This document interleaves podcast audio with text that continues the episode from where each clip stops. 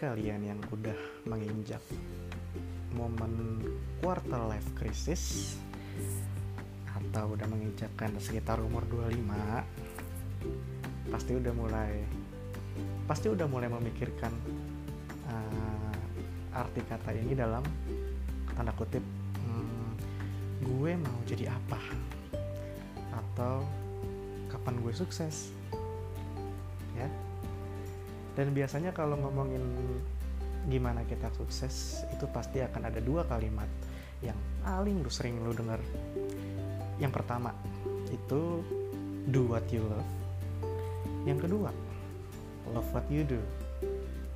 Sebenarnya apa ya perbedaan dari dua kata ini? Oke yuk kita ah, sama-sama kita bahas. So inilah episode 4 terus melangkah oke oke oke. Ah kayaknya berat banget nih ya pembahasannya tentang apa tadi? Sukses tentang karir gitu kan ya. Sebenarnya gue juga belum bisa dibilang sukses sih gitu. gue status gue masih karyawan swasta. Ya masih mengabdi sebagai sama perusahaan orang gitu ya. Belum punya usaha sendiri but uh, ya belum bisa dibilang lebih unggul juga dari teman-teman gue dan dari kalian semua no. Gue juga masih biasa-biasa aja tapi uh, gue di sini merasa sedikit sedikit aja sedikit unggul karena gue sudah tahu ke mana arah gue gue udah tahu nih mau jadi apa. Suksesnya versi gue gue sudah tahu. Karena uh, yang banyak gue temuin teman-teman gue di luar sana dia masih belum tahu parameter suksesnya mereka itu ketika mereka jadi apa gitu. Apa ketika mereka menjadi manajer mereka sudah merasa sukses ataukah mereka merasa sukses ketika mereka sudah berhasil buka usaha sendiri gitu ya. Jadi masing-masing orang taraf suksesnya parameter suksesnya beda. Dan kebanyakan teman-teman gue itu uh, yang gue tahu ya mereka masih belum ngeh nih. Ya udahlah jalanin aja dulu gitu tapi mungkin yang jadi tolak ukur perta uh, paling kelihatan sih mungkin mereka lebih ngeliat ke gaji dan jenjang karir gitu. kalau gajinya terus meningkat terus jenjang karirnya terus naik berarti bisa dibilang sukses. Itu sih. Nah kalau gue bagaimana? Oke. Okay. ini uh, sekali lagi dari sudut pandang gue ya dan tidak ada benar dan tidak ada yang salah. Kita coba uh, gali ini sama-sama dan menurut pengalaman gue yang sudah gue alami. Oke. Okay. nah, gue jadi tidak menggurui atau tidak ngajarin ya gue di sini gue cuma sharing apa yang gue alami. Uh, ya mudah-mudahan ini bisa menginspirasi teman-teman untuk ke depannya bisa lebih baik. Oke? Okay? uh, kalau pertama dari keluarga. Keluarga gue nggak nggak kaya tapi juga tidak miskin gitu. Biasa-biasa aja gitu kan. Ya kakak gue enam gitu gue gue anak bontot anak terakhir dan kita semua biasa-biasa aja gitu. Nggak ada yang miskin banget nggak ada yang sukses banget nggak biasa. Seperti orang pada umumnya lah gitu ya. Tapi ada satu yang gue lihat dari mereka adalah mereka hidup kayak apa ya kayak udah diset sama satu sistem gitu loh. Sistemnya maksudnya kayak gini uh, mereka hidup ya sekolah kuliah kerja nikah terus habis itu ngambil utang yang banyak buat cicilan rumah buat cicilan mobil buat anak sekolah ya. Terus kemudian lanjut lagi kerja buat bayar itu semua ya seumur hidup sampai pensiun udah. Damn gue ngeliat mereka dari atas sampai ke bawah kayak gitu semua model hidupnya gue nggak ngeliat mereka. Ya mereka senang senang sih tapi tidak terlihat happy gitu loh. Karena hidupnya kayak udah ada sistemnya sistem yang diwarisi secara turun menurun gitu loh. Gue nggak tahu ya uh, mereka dalam lubuk hati yang paling dalam apakah mereka happy dengan kehidupan seperti itu dengan sistem seperti itu gue nggak tahu. Tapi yang gue ngeliatnya kayaknya mereka nggak nggak terlalu happy karena ya hidupnya gitu cari duit kerja duitnya buat bayar hutang buat beli kebutuhan ini itu. Gue melihat mereka kayak tidak menikmati hidup. Dan yang gue nggak suka adalah mereka memaksa gue untuk hidup seperti itu juga. But somehow nggak tahu ya gue kayak punya pemikiran sendiri. Gue melihat itu itu nggak cocok sama gue gitu. Gue nggak bisa hidup kayak gitu dan itu gue baru sadarnya sekarang sih. Kalau dulu dulu gue masih ngerasa kayaknya nggak cocok deh tapi ya udahlah omongan orang tua omongan kakak karena mereka lebih berpengalaman oke okay, fine gue ikutin gitu. Keluarga gue itu orangnya sangat money oriented. Ya jadi tolak ukurnya itu adalah uang adalah gaji. Nggak peduli lu profesinya apa nggak peduli lu pendidikannya apa. Yang penting lu harus kerja dan gajinya harus banyak dan cukup kayak gitu contohnya kayak gue waktu mau masuk kuliah oh Yudi sekolah IT aja gitu. Karena IT nanti uh, pekerjaannya pasti gajinya gede gitu. mereka nggak mikirin. Mereka nggak mikirin itu gue suka atau enggak. Yang mereka tahu oke okay, jurusan ini prospeknya nanti besar. Yaudah lo harus sekolah di situ. Ya namanya anak-anak ya kan. Mereka yang punya biaya ya udahlah gue nurut saat itu gitu kan. ya gue nggak punya pilihan.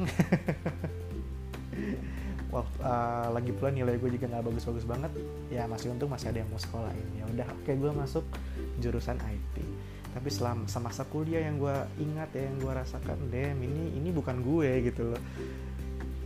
Gue ya jadi kuliah sekedar kuliah sekedar dapat nilai. Gue nggak pernah menonjol nggak pernah apa karena passion gue nggak di situ gitu tapi saat itu gue belum sadar gue cuma ngerasa nggak enak. Aduh kok kok gue belajar nggak semangat ya? Kok gue kuliah nggak semangat? Biasa-biasa aja gitu oke. Nah ketika udah lulus nih ketika udah lulus kerja gue bingung kerja apa gitu. Waktu itu sih gue prinsipnya oke okay, menggali pengalaman dulu kerja apa aja boleh gitu kan ya. Jadi kerja apa aja waktu itu gue ambil gue jadi customer service gue jadi sales gue jadi admin itu gue kerjain semuanya. Karena gue uh, sebagai lulusan IT yang tidak terlalu jago IT jadi gue mesti mencari gue di situ udah berpikir oke okay, gue mesti mencari bidang lain yang yang bisa gue kuasai nih gitu. Yang itu sesuai sama minat gue makanya semua pekerjaan gue ambil nah di situ sama. Uh, gue kerja belum dapet apa yang gue suka. Tapi satu satu satu persatu uh, minat gue udah mulai kelihatan sih. Gue suka komunikasi gue suka ketemu orang gue suka jualan gitu kan ya. Terus gue juga suka uh, gue suka menulis. Itu mulai satu-satu itu kelihatan. Tapi gue masih belum menemukan bidang pekerjaan apa ya yang cocok sama minat-minat gue ini gitu. Nah di tengah kebingungan gue itu hmm, gue kenal sama dunia asuransi. Ya. Wah dia asuransi itu orangnya hebat. Apa? Bukan ya hebat sih. Kan kita biasanya training seminar. Oh, itu orangnya semuanya penuh semangat berapi-api tan apa stylenya rapi gitu kan. Sebenarnya sistemnya mirip-mirip kayak MLM sih. Kalau gue inget-inget ya karena dulu gue pernah direkrut MLM ya mereka begitu wah public speakingnya jago meyakinkannya itu sangat jago. Waktu training juga gue ikut training mereka seneng. Nah gratis lagi kan ya. Dapat makan lagi. Mereka motivasi cerita hidupnya gini gini gini gini. Wah itu hebat banget sih sampai gue. Akhirnya direkrut ke situ sempat jadi sales. Emang sih gue suka jualan ya tapi uh, profesi sales asuransi ini kan lebih menuntut lo untuk bekerja door to door. Lo harus berani mengontak orang terus prospecting yang banyak gitu ya. Nah walaupun gue orang yang suka jualan tapi aduh deh gak bisa gitu loh. Nah leader gue berkali-kali bilang menanamkan gue dengan mindset love what you do gitu. Cintai apa yang kamu lakukan. Mereka pikir do what you love itu salah. Do what you love itu lakukan yang kalian suka. Eh kalau kamu lakukan yang kamu suka berarti lu ya suka-suka lu dong jadinya. Menurut mereka gitu. Kalau lu melakukan yang suka-suka lu berarti lu nggak bakal terarah gitu. Nggak punya tujuan bisa terjerumus ke hal yang negatif. Menurut mereka kayak gitu. Bertahun-tahun gue dicekokkan itu dan gue mulai setuju ya juga sih gitu.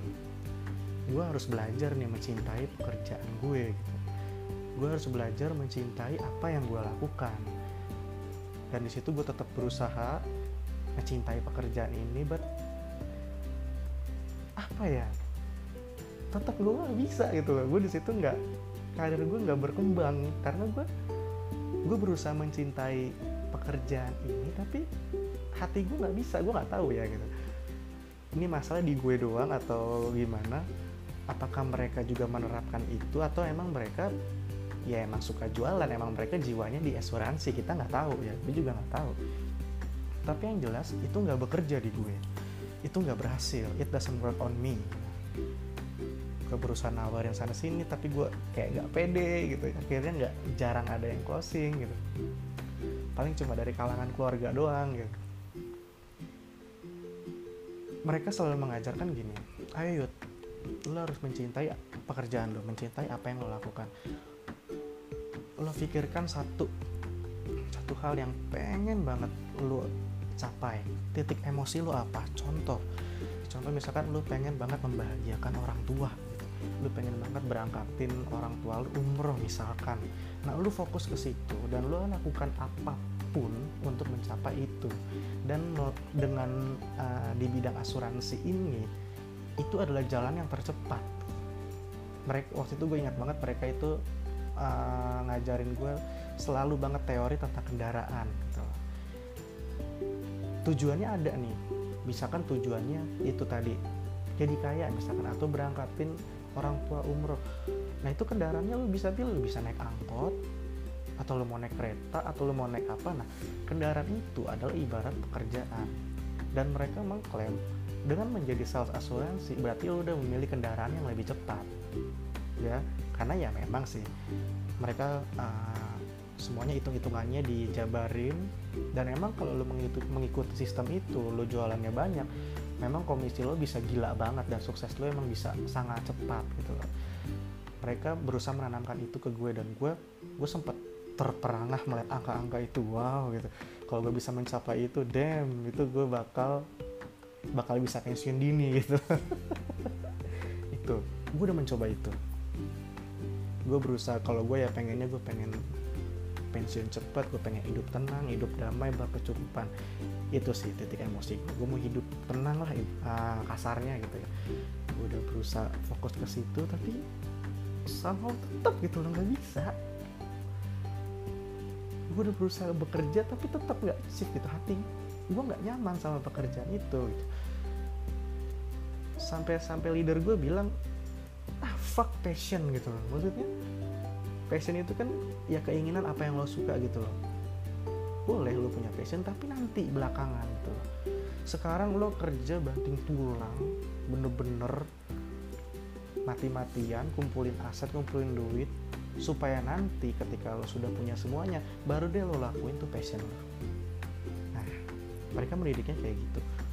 Jadi sekarang suka nggak suka sama pekerjaan lo lo kerjain karena ini udah kendaraan yang tepat passion lu nanti belakangan gitu. nanti ngelakuin passion kalau lu suka main golf ya, atau lu suka apa gitu. Nanti ngelakuinnya ketika lu udah sukses gitu. Saat itu gue berpikir masuk akal. Tapi dia tetap itu nggak di gue nggak bekerja gitu. Nggak bisa. Waktu itu sampai gue bela-belain gue tadinya ini cuma part time jadi agent asuransi ya itu gue resign dari kantor gue gue fokus ke situ. Gue sampai sudah seniat itu loh. Tapi ternyata tetap nggak bisa. Gue nggak menyalahkan pekerjaannya enggak. Tapi ternyata di sini emang nggak cocok di gue gitu. Gue di situ bingung aduh gue jobless gue nggak punya penghasilan. Sampai suatu ketika uh, gue terjun ke dunia digital marketing dan sosial media. Nah, di sini nih, di sini gue baru merasakan di mana bekerja tapi nggak merasa kerja gitu. Di sinilah gue menemukan titik di mana do what love dan love what you do itu bertemu. Mantep gak tuh? Iya, jadi lo melakukan apa yang lo suka dan lo juga suka sama apa yang lo lakukan gitu jadi antara dua statement tadi itu nggak ada yang benar dan nggak ada yang salah. Itu dua-duanya benar dan akan lebih sangat tepat kalau dua-duanya bisa dikombinasikan. Coba bayangin lo melakukan yang lo suka dan lo suka apa yang lo lakukan gitu. Apalagi itu menghasilkan. Contoh lo suka masak gitu kan ya. Lo dari kecil suka masak. Eh kemudian lo bangun bisnis restoran atau catering. Itu kan enak banget lo melakukan apa yang lo suka dan lo dibayar. Memang pekerjaan yang paling enak adalah hobi yang dibayar betul ya? Nah di situ di, di dunia digital marketing dan sosial media gue di situ uh, mendapatkan semua minat gue. Gue tadinya suka komunikasi di sosial media dapat gue di situ bisa berinteraksi sama orang ya kan? Walaupun lewat dunia maya karena jujur gue nggak selalu suka langsung tampil gitu. Gue orangnya agak pemalu sebenarnya jadi lewat sosial media itu adalah penyaluran yang tepat eh, penyaluran yang tepat bagi gue untuk berkomunikasi dan tampil. Kemudian gue suka jualan tapi gue nggak suka jualan langsung. Nah ternyata di digital marketing dan sosial media itu gue di situ menemukan passion gue. Di situ gue bisa tetap jualan gue bisa menawarkan produk perusahaan tapi lewat dunia maya. Dan itu dan itu enak dia itu cocok dengan style gue gitu daripada gue harus menawarkan produk langsung ke orang oke okay? dan ketiga gue suka sama teknologi gue suka sama lifestyle dan itu juga cocok banget sama digital marketing dan sosial media karena ini uh, dunia ini tuh hybrid ya percampuran antara IT dan uh, pemasaran. Jadi ini akan selalu berkembang. Ini membutuhkan teknologi, membutuhkan selalu update berita yang baru dan gue suka itu. Dan kebetulan gue orangnya sangat suka menulis. Ya gue sangat ahli menulis dan nah di situ juga bakat gue tersalurkan. Nah di sinilah gue baru baru enjoy banget bekerja gitu baru di bidang ini gue bisa lupa tentang gaji iya ya gaji mah relatif ya gajinya relatif kebutuhan kita masing-masing beda tapi di sini gue kayak ya udah nggak terlalu banget terobsesi sama gaji gitu. Karena gue udah suka banget sama pekerjaan gue gitu loh. Gue tiap hari bekerja enjoy. Nah di sinilah gue menemukan arti sesungguhnya itu passion. Betapa pentingnya itu passion. Beneran deh bener. Itu penting banget passion. Masalah lo mau lakukan passionnya kapan ya itu tergantung kalau lo ya. Tapi kalau menurut gue kalau bisa dilakukan sekarang kenapa mesti nanti gitu. Kan sama. Nah, di asuransi juga selalu mengajarkan hidup ini tidak pasti. Ya kan mereka kan menjual resiko sebenarnya. Hidup ini tidak pasti. Mungkin sekarang kita sakit eh mungkin sekarang kita sehat tapi kita nggak tahu. Besok tiba-tiba sakit atau besok tiba-tiba kita kehilangan apa kita nggak tahu ya kan? Sama seperti ya hidup kita. Sama seperti karir sama seperti cinta gitu mungkin waktu menjadi agent insurance gue diajarin lu kerja sekarang uh, passion lu nanti belakangan. Iya bener sih tapi kita mana tahu kalau gue bakal hidup sama itu gitu iya nggak? Siapa tahu gue lagi prospek di jalan gue ketabrak mobil. Berarti gue nggak sempet dong menjalankan passion gue. Relate kan sama sama konsep asuransi juga relate kan ini nah itu adalah sekarang yang baru gue sadar satu hal yang mereka miss di situ. Mereka menjual uh, apa resiko. Tapi mereka juga nggak memperhitungkan itu dalam uh, ke setiap agentnya gitu. Mereka menanamkan agentnya untuk bekerja keras dan mengesampingkan passion untuk melakukannya nanti tapi dia nggak tahu. Mereka uh, nggak lupa gitu loh. Ya karena kalau hidup itu tidak pasti gitu loh. Jadi kalau kalau bukan sekarang lo melakukan passion lo kapan lagi gitu loh. Jadi gitu. So sesu uh, dari dari pekerjaan ini gue tahu arah hidup gue. Gue pengen menikmati hidup. Gue pengen hidup tanpa penyesalan tapi tetap menikmati hidup dalam cara yang positif ya. Bukannya yang apa gitu kayak yang di jalan yang tidak baik enggak. Tapi menikmati hidup itu dalam artian lo lakukan apa yang lo suka gitu. Lo lakukan apa yang sesuai dengan minat lo gitu. Lo lakukan sesuai apa kata hati lo gitu. Karena kalau lo menjalani hidup seperti itu damn itu hidup lo itu akan fulfill banget. Lo akan merasa enak gitu aura lo jadi bagus. Ibaratnya gini. Nah keluar oh ya satu lagi salahnya keluarga gue adalah uh, dia passionnya atau orientednya itu tadi kan uang ya. Nah itu awalnya gue juga kayak gitu. Karena gue dididik dari asuransi itu gue selalu mindset gue uang uang uang gitu apa pun yang gue lakukan tujuannya untuk supaya dapat penghasilan yang lebih dapat gaji yang lebih besar dapat nasabah yang banyak. Jadi selalu money oriented. Dan di situ ternyata gue menemukan oh yang membuat gue gagal justru itu. Apa pun yang orientasinya itu uang goalnya uang ini at least yang gue sudah uh, apa alami ya. Itu tidak pernah berjalan dengan bagus tidak pernah berjalan dengan mulus kalau tujuan utama lu adalah uang. Ya ibaratnya gini biar gampang dianalogikan adalah anggaplah pisau gitu ya. Uang itu anggaplah pisau. Kalau lu bercita-cita mau punya pisau terus ketika lu udah dapat pisau itu terus lu mau ngapain? Ya enggak kalau lu dari awal nggak tahu pisau itu mau lu buat apa kemungkinan besar pasti hal negatif yang bakal lo lakukan. Bisa aja lo nggak sengaja melukai orang ya kan? Sama kayak uang gitu. Kalau lo tujuannya untuk menjadi kaya untuk menjadi untuk menjadi berkecukupan untuk punya aset yang banyak ketika lo sudah mencapai itu then what gitu? Uang itu mau lo apain? Mungkin kita bisa bilang ya oh nanti bisa kok. Uh, gue tabung uangnya bisa gue buat jalan-jalan bisa. Mau gue berangkatin uh, orang tua gue umroh bisa. Mungkin kita ngomongnya bisa seperti itu ya. Tapi kebanyakan yang gue temukan di lapangan adalah ketika mereka yang berorientasi uang itu beneran sukses kebanyakan mereka tercemplung ke hal yang negatif. Mereka jadi hedon mereka jadi ya boros gitu kan apa memakai uang itu dengan tujuan yang tidak baik gitu kan. Ya boro-boro mau sumbangan gitu kan. Jadi mereka jadi semakin konsumtif malah nanti utangnya malah semakin banyak malah lifestyle semakin tinggi. Akhirnya dia lupa tujuan uh, keinginan atau tujuan awal yang dia laku yang dia katakan dulu ketika eh kalau gue mau sukses gue mau su jadi sumbangan atau gue mau bantu orang tua ternyata akhirnya lupa semua. Itulah yang terjadi kalau lu fokus sama uang gitu kalau lo fokus sama pisaunya kayak gitu jadinya. Tapi coba kalau kita ganti. Gue cita-cita mau jadi contoh ya cita-cita mau jadi koki jadi chef. Gitu kan ya jadi chef karena gue suka masak.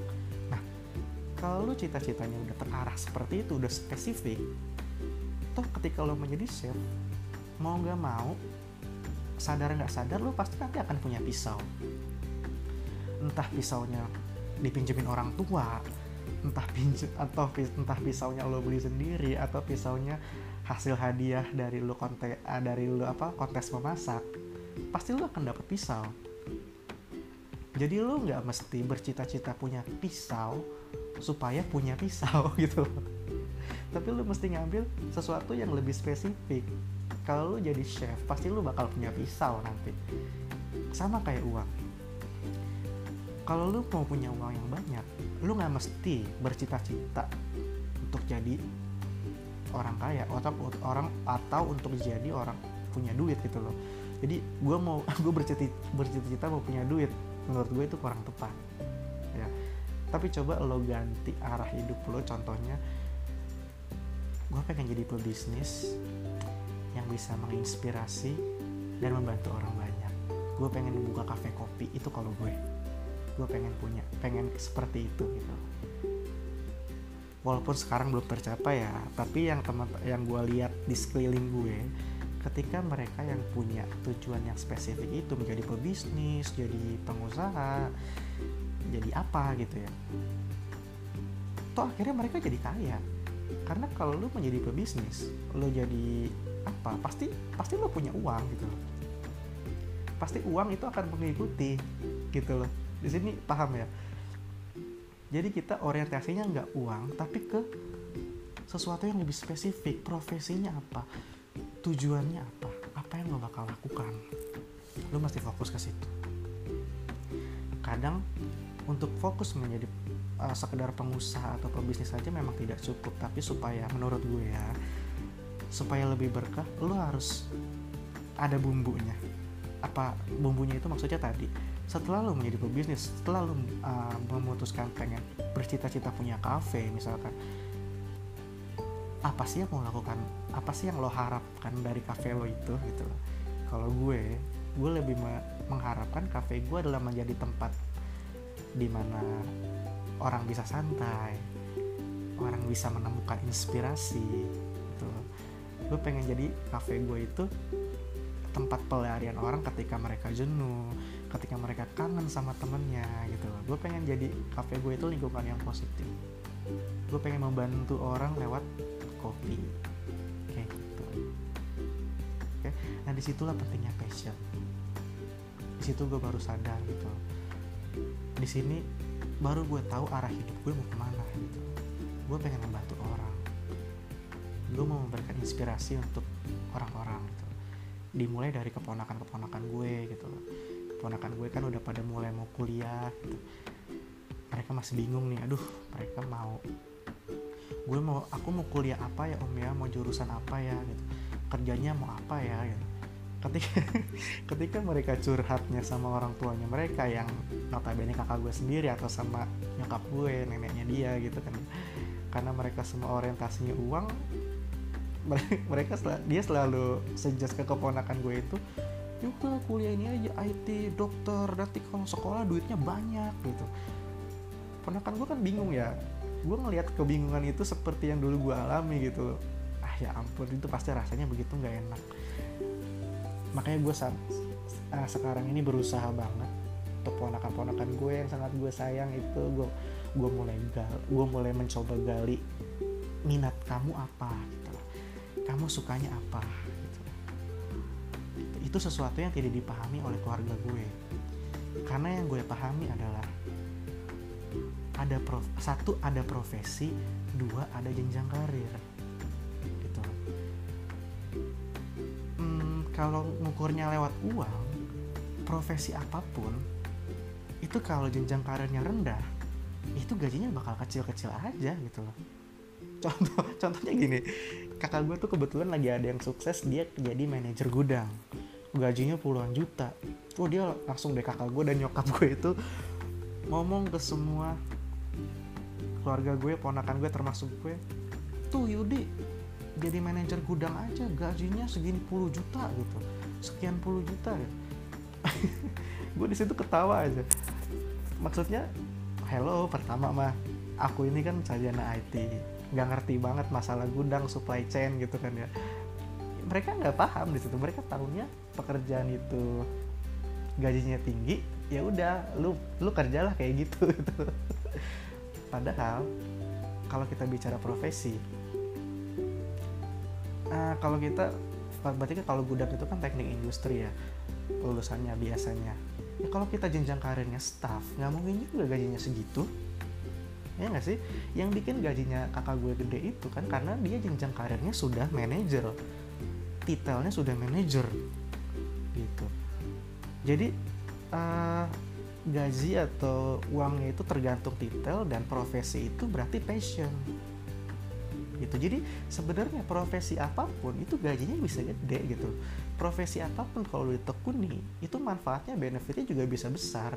Jadi nggak ada di dunia ini yang oh yang gajinya 20 juta cuma manajer gudang. Oh yang gajinya 30 juta cuma uh, kepala divisi IT nggak ada yang kayak gitu. Lu seorang marketing pun bisa pendapatannya bisa segitu gitu.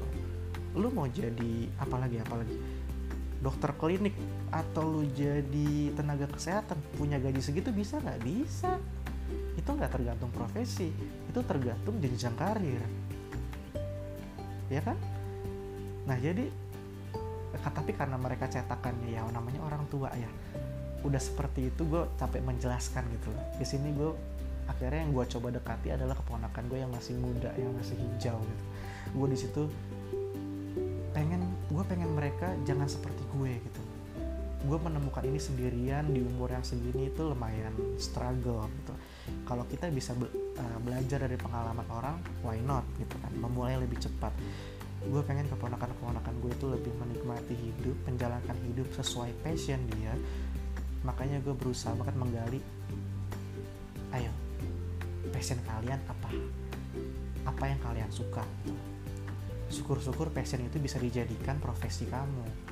Karena kalau kamu uh, melakukan pekerjaan suatu profesi yang sesuai passion kamu itu bakal menyenangkan banget gitu. Itu bakal membuat hidup kamu itu lebih tenang bekerja bisa lebih produktif bisa lebih semangat gitu. Kalau kamu bekerja sesuai dengan passion gitu. passion itu kan banyak ya. Dari passion itu kita juga bisa memilah mana yang profesi mana passion yang mana yang cocok untuk kita seriusin ke dalam dunia kerja. Contoh gue di sini passion gue banyak sebenarnya. Kayak gue suka olahraga gue suka memanah tapi akhirnya gue memilih passion gue yang suka komunikasi suka jualan suka teknologi ke dalam digital marketing dan sosial media ke dalam bidang markom. Nah itu gue berusaha menggali itu ke mereka gitu. gue nggak pengen mereka terbawa mindset sistem old schoolnya keluarga gue gitu. Di mana ya udah gitu. Lu kerja apa pun yang penting duitnya banyak. Gue nggak mau dia jadi sama kayak yang ditanamin sama leader-leader gue waktu jadi agent insurance. Oke? Okay? mungkin leader-leader gue itu sukses ya mungkin karena passionnya memang di situ kan mereka semua jago ngomong mereka semua pede kalau ketemu orang jadi dia bisa sukses di situ mungkin memang passionnya mereka di situ gitu. jadi itu guys passion itu penting gitu. kalau lu bingung menentukan arah hidup lu gue mau jadi apa tujuan gue sebenarnya apa gitu.